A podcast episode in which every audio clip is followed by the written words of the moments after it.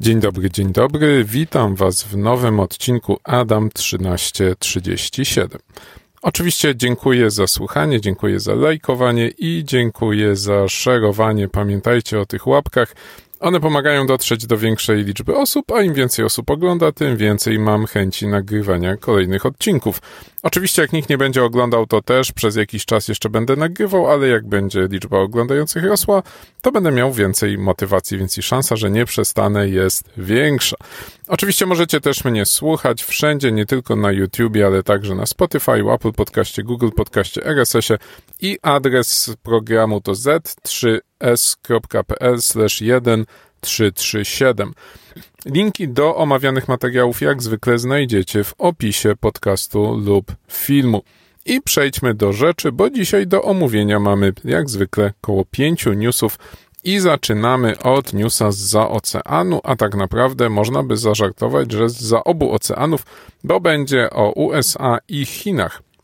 A konkretnie będzie o tych zarzutach, które rzekomo e, powstały wobec firmy Huawei i firmy ZTE, ale artykuł CNN to opisujący skupia się głównie na firmie Huawei, informując o tym, że sprzęt tej firmy zainstalowany w niektórych stacjach bazowych na terenie USA może zakłócić sterowanie komunikacją z jednostkami posługującymi się bronią jądrową, więc brzmi bardzo poważnie, ale no przyjrzyjmy się szczegółom, bo to z reguły w szczegółach jest e, pogrzebane wszystko, co nas interesuje interesuje.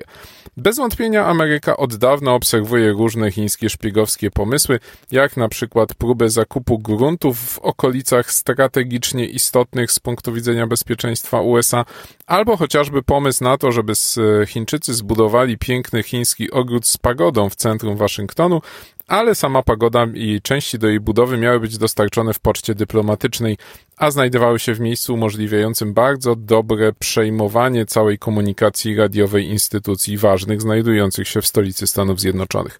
Natomiast Artykuł CNN, oprócz cytowania tego rodzaju, mm, nazwijmy to, niedoszłych incydentów, Wspomina o tym, że najnowsze analizy FBI wskazują, że w e, urządzenia telekomunikacyjne, konkretnie przekaźniki stacji komórkowych e, w tzw. Tak wiejskich częściach Stanów Zjednoczonych, znajdujące się w okolicach baz jądrowych wyposażonych w rakiety balistyczne z głowicami nuklearnymi, został ten sprzęt e, wyprodukowany przez Huawei i ZTE i został zdiagnozowany jako taki, który umożliwia zakłócanie komunikacji z tymi rakietami, z tymi bazami, z tymi wojskami jądrowymi. No, brzmi to co najmniej niepokojąco. E, pytanie, czy bardziej chodziło o przechwytywanie komunikacji e, lub jej fałszowanie, czy o zagłuszanie. Artykuł nie jest w tej kwestii jasny. Natomiast Jasne jest to, że Amerykanie od 2020 próbują usunąć sprzęt Huawei ZTE z terenów wiejskich. Nawet mieli jakiś budżet zatwierdzony już na wysokim poziomie na kilka miliardów dolarów, ale okazało się, że to za mało, aby ten projekt zrealizować. Oczywiście, jak zwykle w przypadku tego rodzaju zarzutów wobec Huawei i innych dostawców nie ma szczegółów technicznych. No, można powiedzieć, ukrywają te szczegóły, żeby druga strona nie dowiedziała się, jak te zagrożenie zostało zidentyfikowane, no ale z drugiej strony byłoby miło, gdybyśmy mogli sami zweryfikować, czy faktycznie takie zagrożenie istnieje, czy jest to tylko jakiś mniej lub bardziej wyrafinowany wymysł amerykańskich służb lub też amerykańskich producentów sprzętu telekomunikacyjnego. Niezależni analitycy, patrząc na te um, rewelacje, mówią: No dobrze, ale jak można zagłuszyć częstotliwości, na których komunikuje się amerykańska armia? Te częstotliwości są gdzieś znane, opublikowane, skoro one znajdują się bardzo daleko od spektrum 3G, którego dotyczą te nadajniki o których mowa. No ktoś inny mówi, no gdyby tam było 5G, no to może by dali radę, bo to spektrum już jest całkiem bliskie, no ale rzekomo ci analitycy przed, przeanalizowali oprogramowanie i sprzęt e, sprzedany operatorom telekomunikacyjnym w USA przez Chińczyków i doszli do wniosku, że zagłuszać się da. Co ciekawe, analizie poddano te umowy sprzedaży tego sprzętu, które wydawały się być nieuzasadnione ekonomicznie, czyli tam, gdzie Huawei nie miał interesu, a mimo to sprzęt dostarczył po cenach niższych niż by się e, analitycy spodziewali. No, ciekawa sytuacja. A, oczywiście znowu brak dowodów, brak niezależnej możliwości e, weryfikacji e, tych twierdzeń sprawia, że bardziej w kategoriach ciekawostki, no ale problem bez wątpienia będzie się jeszcze wiele razy przewijał. Drugi news. Notweet. Notweet nazwane tak złośliwe oprogramowanie, też cały aktor, mianowicie austriacka firma, która dostarcza sprzęt, dostarcza sprzęt i oprogramowanie szpiegujące. Na stronie firmy jest informacja o wielu różnych rodzajach świadczonych usług, natomiast Microsoft, który przeprowadził bardzo dokładną analizę, znalazł ślady szpiegowskiego Trojana i znalazł błędy typu zero day używane do jego instalowania na komputerach ofiar.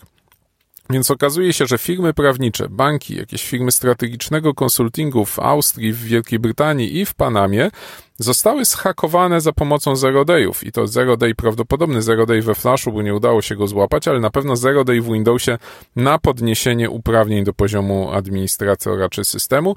E, na dokładkę jeszcze znaleziono ślady wskazujące, że być może część tych ataków dotyczy również Google Chroma. E, no i są firmy, które faktycznie świadczą takie usługi. Do tej pory raczej myśleliśmy o tym, że one świadczą te usługi różnym rządom. Natomiast w tym wypadku ta oferta tej austriackiej firmy wydaje być się ukierunkowana również na odbiorców komercyjnych, czyli takie no, szpiegowanie, do, szpiegowanie na, do, do wynajęcia. Do firmy, które były ofiarami, nie zamawiały testów penetracyjnych, które rzekomo ta austriacka firma e, świadczy, ale też świadczy usługi poszerzonych badań podmiotów. No, czy one są aż tak poszerzone, że trzeba instalować konia trojańskiego ofiarom za pomocą zero dayów? Być może.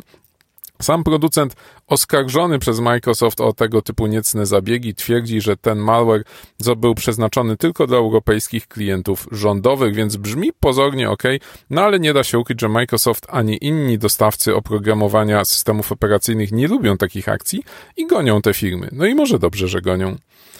Dobrze, kolejny news. Hakowanie Stalkera. E, pewna nastolatka w USA miała pecha, ponieważ dostała mail phishingowy. Ofiara mm, została sfiszowana, mm, nazwijmy to, na pracownika supportu, czyli dostała informację, że coś jest nie tak z jej kontem Snapchata i następnie mm, została nakłoniona do zalogowania się na to konto i przekazania rzekomemu pracownikowi supportu kodu jednorazowego, który to logowanie miał potwierdzać i konto Snapchata zostało przejęte. I w Snapchacie jest taka funkcja, gdzie można trzymać zdjęcia dla moich oczu i ta nastolatka podobno robiła sobie zdjęcia nieco bardziej rozebrane niż zwykle i w tym folderze je trzymała. I te zdjęcia zostały skradzione przez włamywacza, a następnie wysłane do wszystkich jej kontaktów na Snapchacie, z komunikatem, jeżeli chcesz, żebyśmy się zaprzyjaźnili, wyślij mi swoje fotki. Być może w ten sposób sprawca chciał wyłudzić więcej zdjęć i znaleźć kolejne ofiary. No oczywiście ofiara, mm, gdy tylko dowiedziała się, że jej zdjęcia zostały wykradzione, a konto przejęte, zgłosiła to policji na, na swoim kampusie mm, swojego koledżu.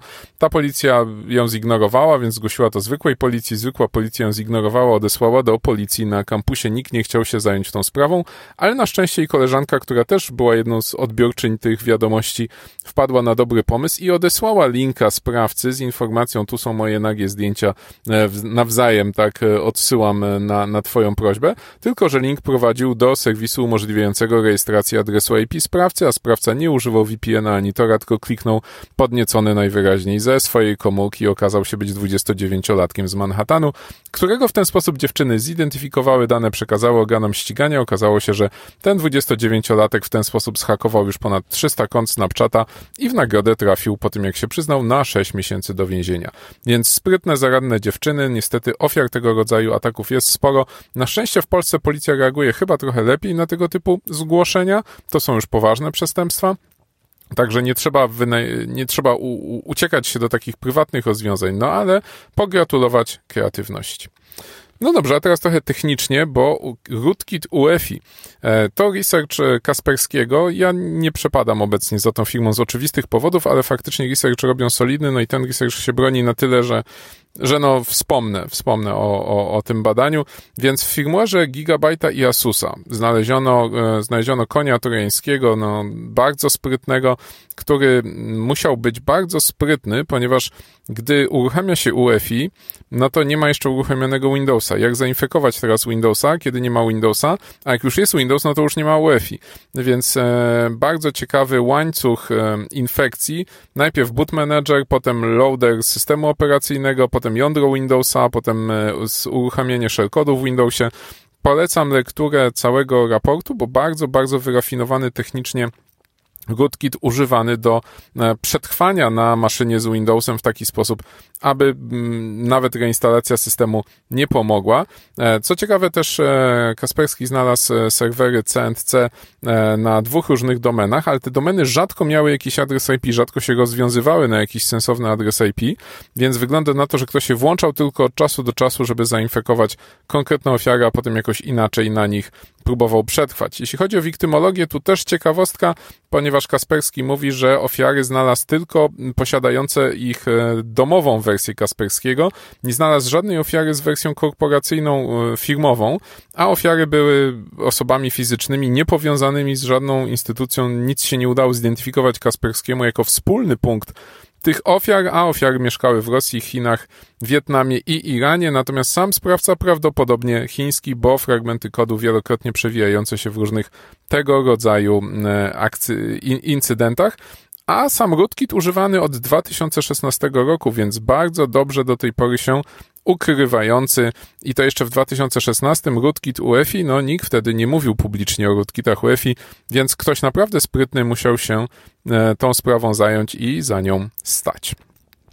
I ostatni news dzisiaj, czyli ta anonimowy badacz który doksuje, czyli ujawnia dane osobowe sprawców cyberprzestępstw. Bardzo ciekawe zajęcie, odważne zajęcie można by było powiedzieć, ponieważ często jest tak, że mm, no wiemy, kto stoi za danym cyberprzestępstwem, ale nie mamy dowodów e, i na przykład nie mamy wystarczająco materiału albo nie mamy zaufania do systemu prawnego kraju, w którym on popełnia cyberprzestępstwa, żeby móc e, doprowadzić do wymierzenia sprawiedliwości. Ten badacz zaczął kilka tygodni temu publikować zdjęcia i dane osobowe cyberprzestępców. Głównie są to aktorzy ransomware, głównie to są e, ludzie z Rosji, ale także z innych krajów, tam chociażby Francja, Brazylia czy Stany Zjednoczone też się przewijały. Na tej liście są także autorzy złośliwego oprogramowania, brokerzy sprzedający dostęp do systemów. No to jest dosyć ciekawe. Na, ma konto na Twitterze ten, ten badacz, nie wiemy kim jest, ale wiemy, że tych danych publikuje sporo. Myślę, że już ponad 100, 100 cyberprzestępców mogło zobaczyć swoje zdjęcie, swoje imię, nazwisko, adres zamieszkania, często nawet zdjęcia domu, zdjęcia bloku, w którym mieszkają. Jest dużo osintów w tym, ale też i i dużo wiedzy, która na co dzień nie znajduje się w, w, publicznym dostępie, więc ktoś włożył bardzo dużo pracy, żeby trochę popiętnować tych e, przestępców. Czy to dobrze, czy źle? No to jest bardzo dobre pytanie, ponieważ przestępca napiętnowany wie już, że służby go znają, ale z drugiej strony, skoro służby go znają i do tej pory nic z nim nie zrobiły, no to może znaczy, że on jest bezkarny i może trzeba trochę tą jego bezkarność ukrócić. E, czy publikować, czy nie publikować? No ja tutaj nie mam jasnej opinii. Oczywiście cyberprzestępcom trzeba szkodzić jak tylko można. Czy mając ich dane osobowe, warto je ujawnić, czy raczej przekazać je organom ścigania i liczyć na to, że cyberprzestępca poleci gdzieś na wakacje i tam zostanie zatrzymany? No, trudna decyzja. Może te dane są znane od lat, on nigdzie nie lata poza, poza teren byłego Związku Radzieckiego, więc bardzo ciekawa sytuacja, mm, konto publikujące dane cyberprzestępców. To już ostatni news dzisiaj. Pamiętajcie, like, subscribe, dzwonek i tam zaznaczyć, że wszystko, żeby dostawać powiadomienia o kolejnych odcinkach. Oczywiście już za tydzień o 13.37 będzie kolejny odcinek. Rozmowy kontrolowanej nadal nie ma, wraca we wrześniu, a wy pamiętajcie, że zawsze można zagłosować na mój podcast w aplikacjach podcastowych, za co będę wam bardzo wdzięczny. Dziękuję wam bardzo i do usłyszenia.